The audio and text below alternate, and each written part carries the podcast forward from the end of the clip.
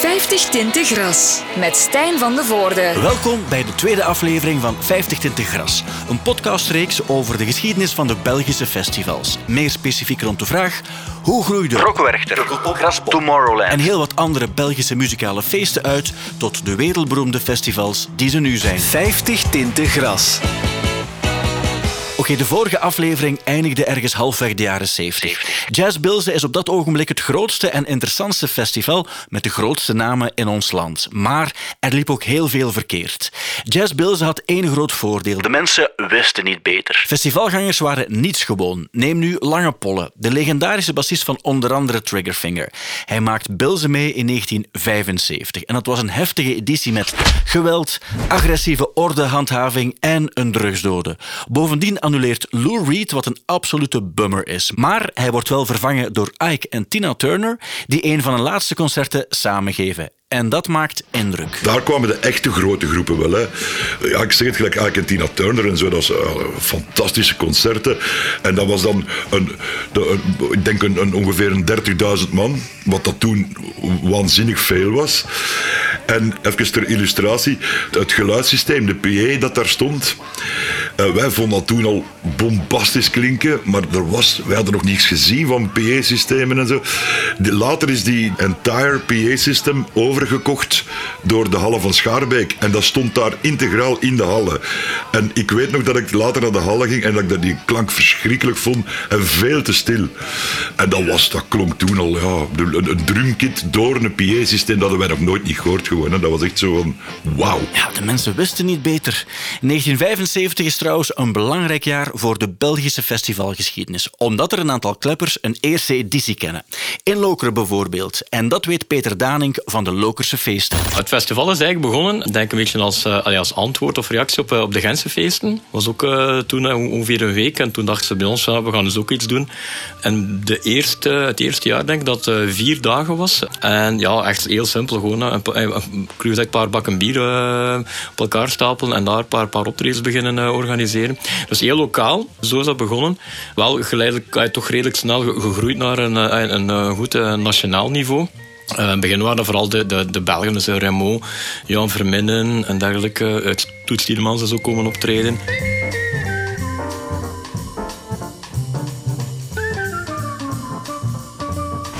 Klopt, Toet Stielemans die is er al bij vanaf de eerste editie van de Lokerse Feesten. Maar, misschien nog belangrijker, in de gemeente Werchter is er op zondag 12 juli een rock and blues TD met discobar Flash Experience. En de dag erna mochten er ook nog wat groepen spelen. Hedwig de Meijer is de man achter de discobar en de organisator van de eerste Rock Werchter. Al heette dat toen nog het Rock and Blues Festival Werchter. Eigenlijk begin het een beetje met, met mezelf ik ben altijd met muziek bezig geweest.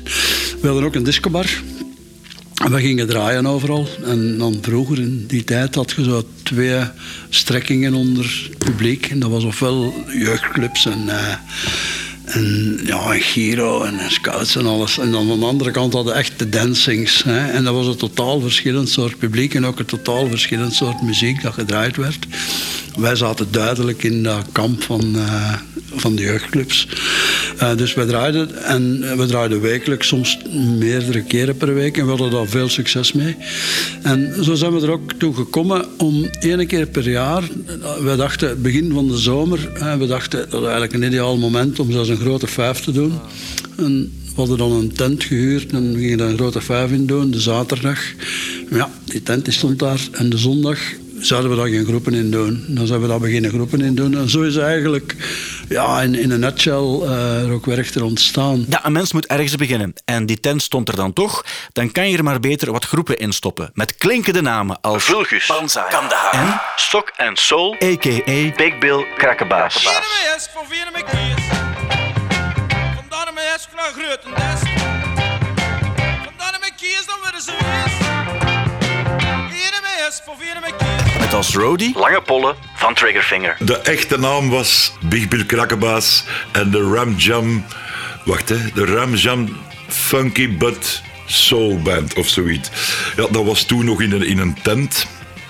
Uh, waar dat ze als ik het me goed herinner, de achterzijde, de flappen van de tent opengeslagen hadden. En dan hadden vervolgens een grasveld dat nogal bergop ging. Want dat was niet op de, dezelfde locatie als waar dat Werchter nu is.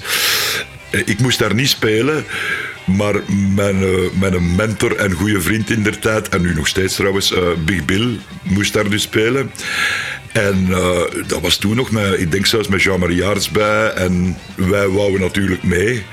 En Big Billy had nogal een uitgebreide roadcrew ervan afhangende wie er toen in het café zat eigenlijk en zin had om mee te gaan. En dan droegen wij ieder een gitaar of, of een snare drum of, of weet ik wat.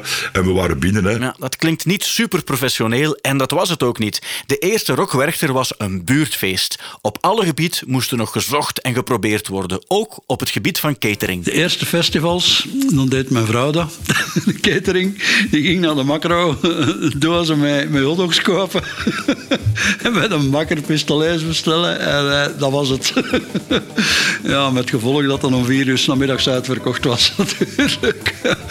ja, inderdaad, dat is niet meer voor te stellen. Hè. Uh, want dat deed ik dan ook, die catering en zo met mensen contact gehad die een frituur hadden. En zo is dat dan helemaal geëvolueerd. Hè. En, ja, en nu heb je een uh, variety die ondenkbaar is hè, dat toen. Ja. Muziekjournalist Dirk Steenhout was er ook bij in 1975, omdat hij gewoon toevallig in de buurt woonde. Ik wil daar zeker niet neerbuigend over doen, maar Werchter, dat was een boerendorp, hè. daar gebeurde niks. En voor de eerste keer was dat een festival. Dus ja, ik denk in het begin dat het toch vooral een lokaal verschijnsel was. Dat mensen uit, uh, uit de buurt, laten we zeggen, in een cirkel misschien van 20 kilometer rond Werchter daar naartoe kwamen.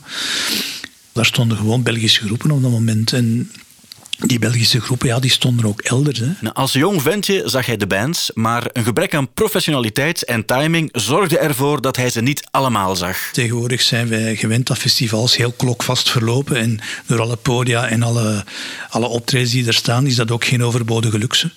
Maar toen, ik herinner mij de allereerste Rock Werchter, de, de, de twee headliners bijvoorbeeld, die stonden pas ver na middernacht op het podium, waardoor ik ze ook niet allemaal meer gezien heb. Want uh, ja, ik was toen ook nog de leeftijd dat ik niet om het even welk uur s'nachts kon thuiskomen. Dus dat zijn dingen die toch wel serieus veranderd zijn. Ja, dit zijn de pioniers en die moeten nog veel leren. Ze konden bij niemand anders advies gaan vragen. Al had Hedwig de Meijer al enige prospectie achter de rug. We waren zelf een paar keren naar Jazzbilzen gegaan. We vonden dat fantastisch, maar we vonden toch ook dat dat niet zo goed georganiseerd was. Want er was heel weinig toen hoor. Er was echt jazzbilzen en hier en daar een groepje dat eens kon spelen, maar dat was het. Ik weet nog dat ik naar, naar Humo een brief schreef om, om adressen vast te krijgen van waar kan ik dat boeken en, en dit en dat. En dat die mij daarbij geholpen hadden. Dat was, uh, dat was een bescheiden succes. Ik dacht dat wij 800 mensen of zo hadden. Maar dat was eigenlijk al, al heel goed hè, voor die tijd. Het volgende jaar zijn we dat terug gaan doen. En dan heb ik ook uh, Herman leren kennen, Herman Schuurmans. Die was bezig met kajak, met die Nederlandse groep kajak. En die stelde dan voor, ja, kunnen wij niet beter samenwerken? Hij had een festival in Herend. Wij deden dan dat in Werchter. En dan zijn we samengegaan. Hola! En nu wordt het pas echt interessant, want op dit ogenblik beseft nog niemand dat dit de ontmoeting is tussen enerzijds Herman Schuurmans, de koning van de Belgische festivals, die niet enkel bepalend was voor Rock Werchter, maar ook voor heel wat andere festivals zoals Graspop en I Love Techno. Anderzijds Hedwig de Meijer, de toekomstige baas van Stageco, het bedrijf dat podia zal maken voor onder andere U2, Madonna, Rammstein, Rolling Stones enzovoort. Een magische ontmoeting, dat zal later blijken, maar op dit moment wil Herman Schuremans vooral rustig groeien. Het was eigenlijk van, ja, we kunnen wij dat ook. En we gaan niet te groot beginnen, want uh, wij waren niet de zonen van, uh, van middenstanders of mensen met kapitaal. Wij waren twee uh, simpele kids. Maar op zichzelf vond ik dat achteraf een heel groot voordeel, want wij konden niet zweven. Uh, wij moesten gewoon realistisch zijn. Het heeft eigenlijk ons uh, bijna verplicht om eigenlijk vanaf het begin grote dromen te hebben en die te combineren met, ja, met realiteit. Realistisch zijn en beter zijn dan bilzen. Dat wil zeggen, proberen vermijden dat bands cancelen en de security moet beter en menselijker. In Bilze, denk ik, was het, hadden ze een beetje het probleem dat ze eigenlijk nogal dikwijls namen aankondigden voor ze bevestigd waren. En dat is eigenlijk een van de eerste regels die ik me ooit heb opgelegd. Ik kondig pas aan als ik echt weet dat ze komen. Als ik een, en in, die, op die, in die tijd was dat nog een fax kreeg. Hè, zo, of een fax, nee, nee, zo een telex. En ja, dan durfden wij dat aankondigen, ervoor niet. Dus dat wouden we eigenlijk al beter doen dan Bilze. Tweede punt dat we eigenlijk beter wilden doen als Bilze was... Je organiseert een festival voor een publiek. En dan zijn eigenlijk je publiek, je koningen en je koninginnen. En dan dient eigenlijk de CQ uh, niet om mensen te provoceren of om pijn te doen, maar eigenlijk om hen mee ten dienste te zijn. Dat moest en ging al een pak beter. Alleen aan de infrastructuur was nog wat werk. Er bestond ook nog niets. En dat beseft podiumwonder Hedwig de Meijer beter dan wie dan ook. Ja, eerst was het in een tent, dus dat podium dat was gewoon, uh, ja, bij meneer Van Spreken, een hoop bierbakken op elkaar en planken erop. Hè. Het was wel iets gecompliceerder, maar daar kwam het ongeveer op neer. Super basic. En als die tent dan ook nog eens te klein is, dan moet er echt iets gebeuren. Maar eigenlijk heeft een deel van de mensen, ja, die stonden buiten de tent. En toen hebben we gezegd van kijk, uh, dat moeten we beter kunnen. Shame on us. je moet leren uit je fouten. En dan is eigenlijk Hedwig een podium beginnen bouwen. En daar stond in het midden nog een paal in, uh, wat dat eigenlijk niet hoort. Maar dat ging toen niet. We hadden niet en we dachten van ja, laat die paal maar staan. Als er iemand slidegitaar speelt, dan, uh, dan hebben ze contact met, met het festival. Een mooi figuurlijk contact met het festival. Maar in 1978 worden ook belangrijke letterlijke contacten gelegd. Herman Schuurmans gaat op zoek naar partners die het festival groter kunnen maken. Humo bijvoorbeeld, in de gedaante van Guy Mortier. Toen kwam de Schuur mij opzoeken op uh, Humo en die zei, kijk, wij willen een festival beginnen. wij hebben al iets kleins. Uh, wil Humo zich erachter zetten? En toen hebben we heel lang gepraat en ik heb gezegd: Oké, maar ik heb een aantal pijnpunten die we geleerd hebben van Bilze en dat mag absoluut niet meer gebeuren. En dat was dus onder meer de security, het eten. Alles moest in orde zijn. De ticketprijzen moesten heel fatsoenlijk zijn, moesten laag blijven. Wij moesten het programma volledig goedkeuren van Humo. Dus we zijn dan uh, tot een akkoord gekomen. In 1978 uh, stonden wij al op het affiche, Humo in het groot. In 1978. Belangrijk jaar, belangrijke move. Humo komt erbij en dat blijkt een belangrijke zet van Herman Schuremans. Ja, dat heeft zeker eh, ook geholpen, want uh, in die tijd uh, waren zij bezig met een aantal acts die wij eigenlijk ook wel heel goed vonden. Uh, zoals Talking Heads, Kevin Coyne, Sunday Morning Sunrise, zoals Kevin Ayers. Dus ja, je wordt eigenlijk in die tijd was ook België een beetje het verhaal van, van nogal wat groepen hadden eigenlijk geen tijd om naar België te komen. Hè. Uh, bepaalde bands die zegden van ja, België, daar rijden door. Je komt, uh, je, je komt in, in Oostende van een boot, je rijdt daardoor. En als je in Duitsland bent, stopt het met regenen. Ja, dat kon ik nu wel niet gezegd hebben. Ik zeg, ik vond dat zo schandalig, zo dit en dat. En uh, wij leefden in het land van de kleinkunst. En er is niks mis met kleinkunst, want ik vond dat fantastisch. Maar ja, als je dan naar die film van Woodstock gekeken hebt, dat was in de Lovanium zo met een splitscreen. Ik zeg, nou, dat doen we, dat moeten wij toch ook kunnen. En ik heb toen eigenlijk geleerd dat je als klein land altijd moet proberen om voorsprong te hebben. Want één keer als een band groot is, dan, wel ja, dan, dan gaan ze naar de grotere landen. Maar als je dan toch al een, een, band hebt opgebouwd met de band, van als ze klein zijn, dan helpt dat. En uh, zoals ik zei, de, de bands die Humo goed vonden, vonden wij ook goed vonden. En samen waren we sterk. Supersterk, want Werchter 1978 wordt een bommetje. Journalist Dirk Steenhout is er opnieuw bij en hij voelt dat er iets in de lucht hangt. Let go.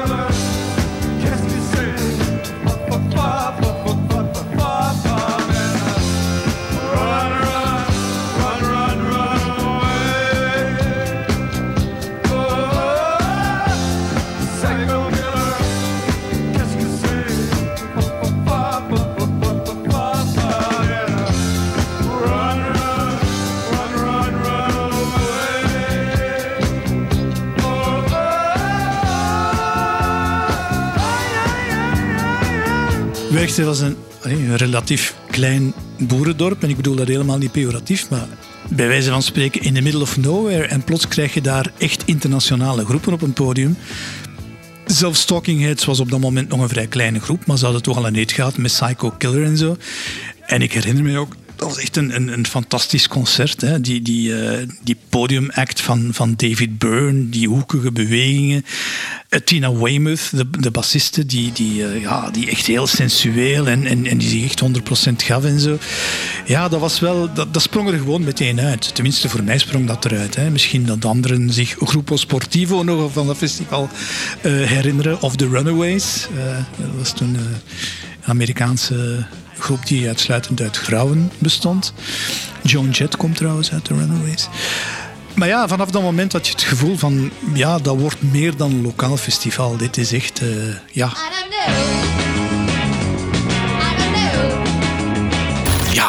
internationale bands. Vooral Talking Heads is de band die dat jaar een enorme indruk maakt op heel veel festivalgangers. Walter Grootaars herinnert zich dat zelf ook nog heel goed. Ik heb ooit uh, op uitnodiging van Herman Schuurmans in de tent op het podium gestaan als Talking Heads daar een legendarisch concert heeft gegeven. Maar legendarisch. Ik krijg nog kippenvel als ik daaraan denk. En ik vond dat geweldig van Herman dat ik dan opzij van dat podium mocht staan om te kijken naar, naar zo'n groep. Dat was een, een ervaring die ik eigenlijk nog maar zelden heb meegemaakt. Om zo dichtbij een groep te staan die op dat moment echt een magisch concert geeft. Een grote indruk. Herman Schuurmans is op dat ogenblik zelf ook een grote Talking Heads fan. En in die tijd bestond er nog een zeer persoonlijk contact tussen de organisator en de artiesten. In de tijd was ik toch wel zwaar onder de indruk van Talking Heads. Dat zal ook wel te maken hebben met het feit dat ja, dat was een kleine band. Ik heb dan wat, wat contact met die, met die gasten. En eigenlijk zijn zij de reden dat ik voor de eerste keer was ik twee of 23 naar New York ging. En ja, dan moesten we naar de studio naar de 54 gaan, maar we waren niet goed genoeg gekleed. We mochten niet binnen. De tweede dag raakten we wel binnen. Door Talking Heads, door Chris en Tina, heb ik eigenlijk voor de eerste keer in die tijd, en nu is dat allemaal evident uh, voor een hoop mensen, maar naar een Japans restaurant geweest met Chris en Tina. Ah, als je naar New York komt, wij nemen u uit naar... Ja, dat is toch wel... Ja, voor als, als klein ventje uit, uit, uh, uit Werchter... Ja, dat was indrukwekkend. Ja. ja. je boekt een band en even later zit je met hen Japans te eten in New York voor je naar Studio 54 gaat. Maar goed, die gastvrijheid was wederzijds. Een troef die Herman Schuurmans altijd slim uitspeelde. Ik herinner me toen dat ik aan het uh, dobben was van... ja, wat moet ik nu eigenlijk aanbieden in België? In Holland gingen ze graag om, om shit te smoren. Naar Hamburg gingen ze graag, neem ik aan, om naar de hoeren te gaan. Ja, wat kunnen wij in België bieden? Zullen we naar het atomium gaan? Weet het niet. Dus ik dacht van, kijk, in plaats van in die tijd kreeg je dus uh, kreeg artiesten eten in plastieke kommetjes zo, uh, met plastieke messen en, en uh, ik zeg, ik ga eigenlijk die mannen eigenlijk, waar België onbekend is, lekker eten geven uit een echt bord met, met, met echte messen en vorken.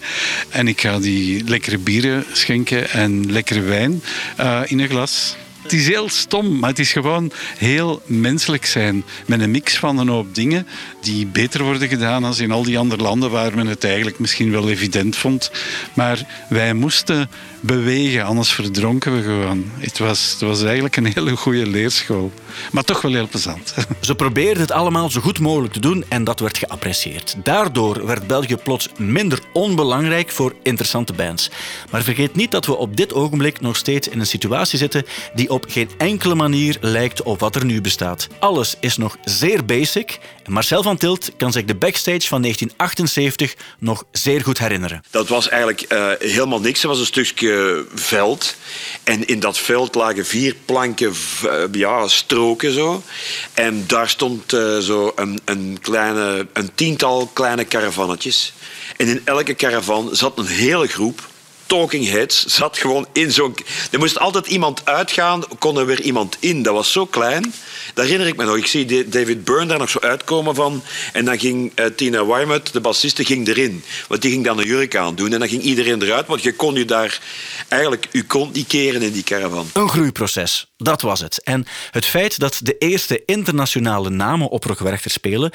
toch ook hier en daar voor wat irritaties bij de Belgen. Raymond van het Groenewoud bijvoorbeeld. Hij voelt zich in 1978 benadeeld. Maria, Maria, ik hou. Van de slag hadden we ook te maken met het fenomeen eh, gangsterisme, noem ik dat, in de muziek. Die managers die namen geen vrede met het feit dat, dat iemand die in hun ogen een onbekende was, dat waren wij, dat die de top of the bill waren. En die hebben Herman gechanteerd, gedwongen om de volgorde van de optredens te veranderen. Zodat Herman met een ei in zijn broek bij ons moest komen vragen of we bereid waren om lager op de treden te gaan staan. En dat vernederende aspect was moeilijk om te slikken. We hadden nergens bij stilgestaan. Maar Jean Blaute, die toen piano speelde, maakte de rekening en die zei: Wij verkopen de meeste platen in Vlaanderen van, de, van alle acts. En ik hield vooral niet van die, uh, van die zware middelen.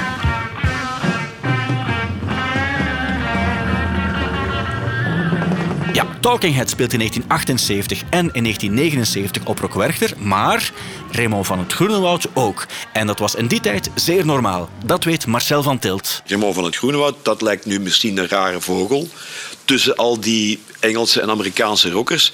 Maar toen was Raymond heel hip en maakte hij de beste Nederlandstalige muziek van het moment. Want hij was geen kleinkunstenaar meer, hij was echt een rocker. Die speelde bals. Hè. Nu is dat meer een bezadigde chansonnier. Dus als je die affiche van 1978 bijvoorbeeld terug bekijkt... Uh, als Humo die mee heeft samengesteld, of Guy Mortier en Mark Didde. Ja, chapeau, want dat is een hele goede affiche. Ook het jaar nadien, het jaar daarna. Dat zijn allemaal zeer goede affiches. Daar zouden mensen nu geld voor geven om dat terug te kunnen samenstellen. Dus dat was zeer... Ik vind ook de layout zeer goed. De, de, jaren daarvoor trekken op niks. Maar vanaf 1978 met die grote witte letters. Ja, dat, dat, ziet er heel goed uit. Dat is heel rock and roll zo. Het was ook rock and roll en het werkte. Ook niet onbelangrijk, in 1977 wordt Rock Werchter een dubbelfestival. Torhout Werchter. Alle bands die zaterdag in Torhout spelen, staan een dag later in Werchter. Het hele concept Torhout Werchter ontstaat aanvankelijk op een vrij toevallige manier. Ik herinner me heel lang geleden dat, uh, dat ik eens in Tildonk, in het dorp hiernaast, naar een groep ging kijken. En dat was de groep Pluto. Dat was een groep uit West-Vlaanderen. En de drummer, dat was nog wel Steen. En uh, wat gebabbeld en uh, noem maar op. Of had ik die daar geboekt? Ik weet het al niet meer. Ah, zo. Ah ja, we gaan ook een festival doen in Torhout. En dat waren toen twee eendagsfestivals. En het voordeel was dat je eigenlijk twee optredens kon bieden. En zo blijft het hele concept groeien en groeien en groeien. Maar Werchter blijft het hoofdding. Vooral in de eerste humorjaren, 1978, 1979, groeit het festival enorm.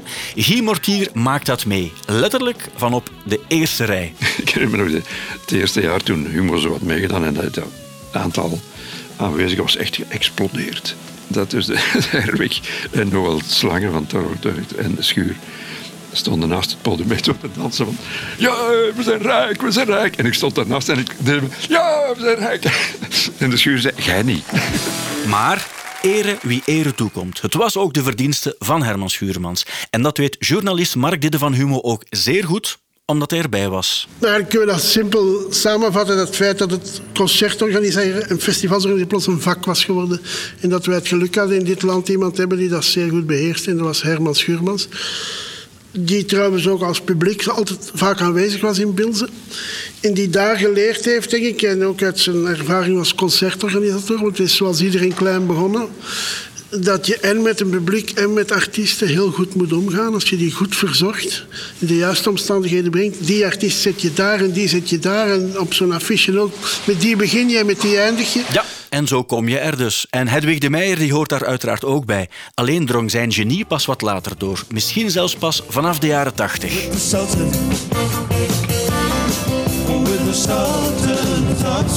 Stageco, ja, dat was het verhaal van, van Edwig eigenlijk. Die, die podia bouwde en die werden dan op Werchter getest. Als we profit hadden met Rock Werchter, dan ging dat in het investeren van podia. En daar is eigenlijk iets uit gegroeid, wat ook uh, een wereldspeler is.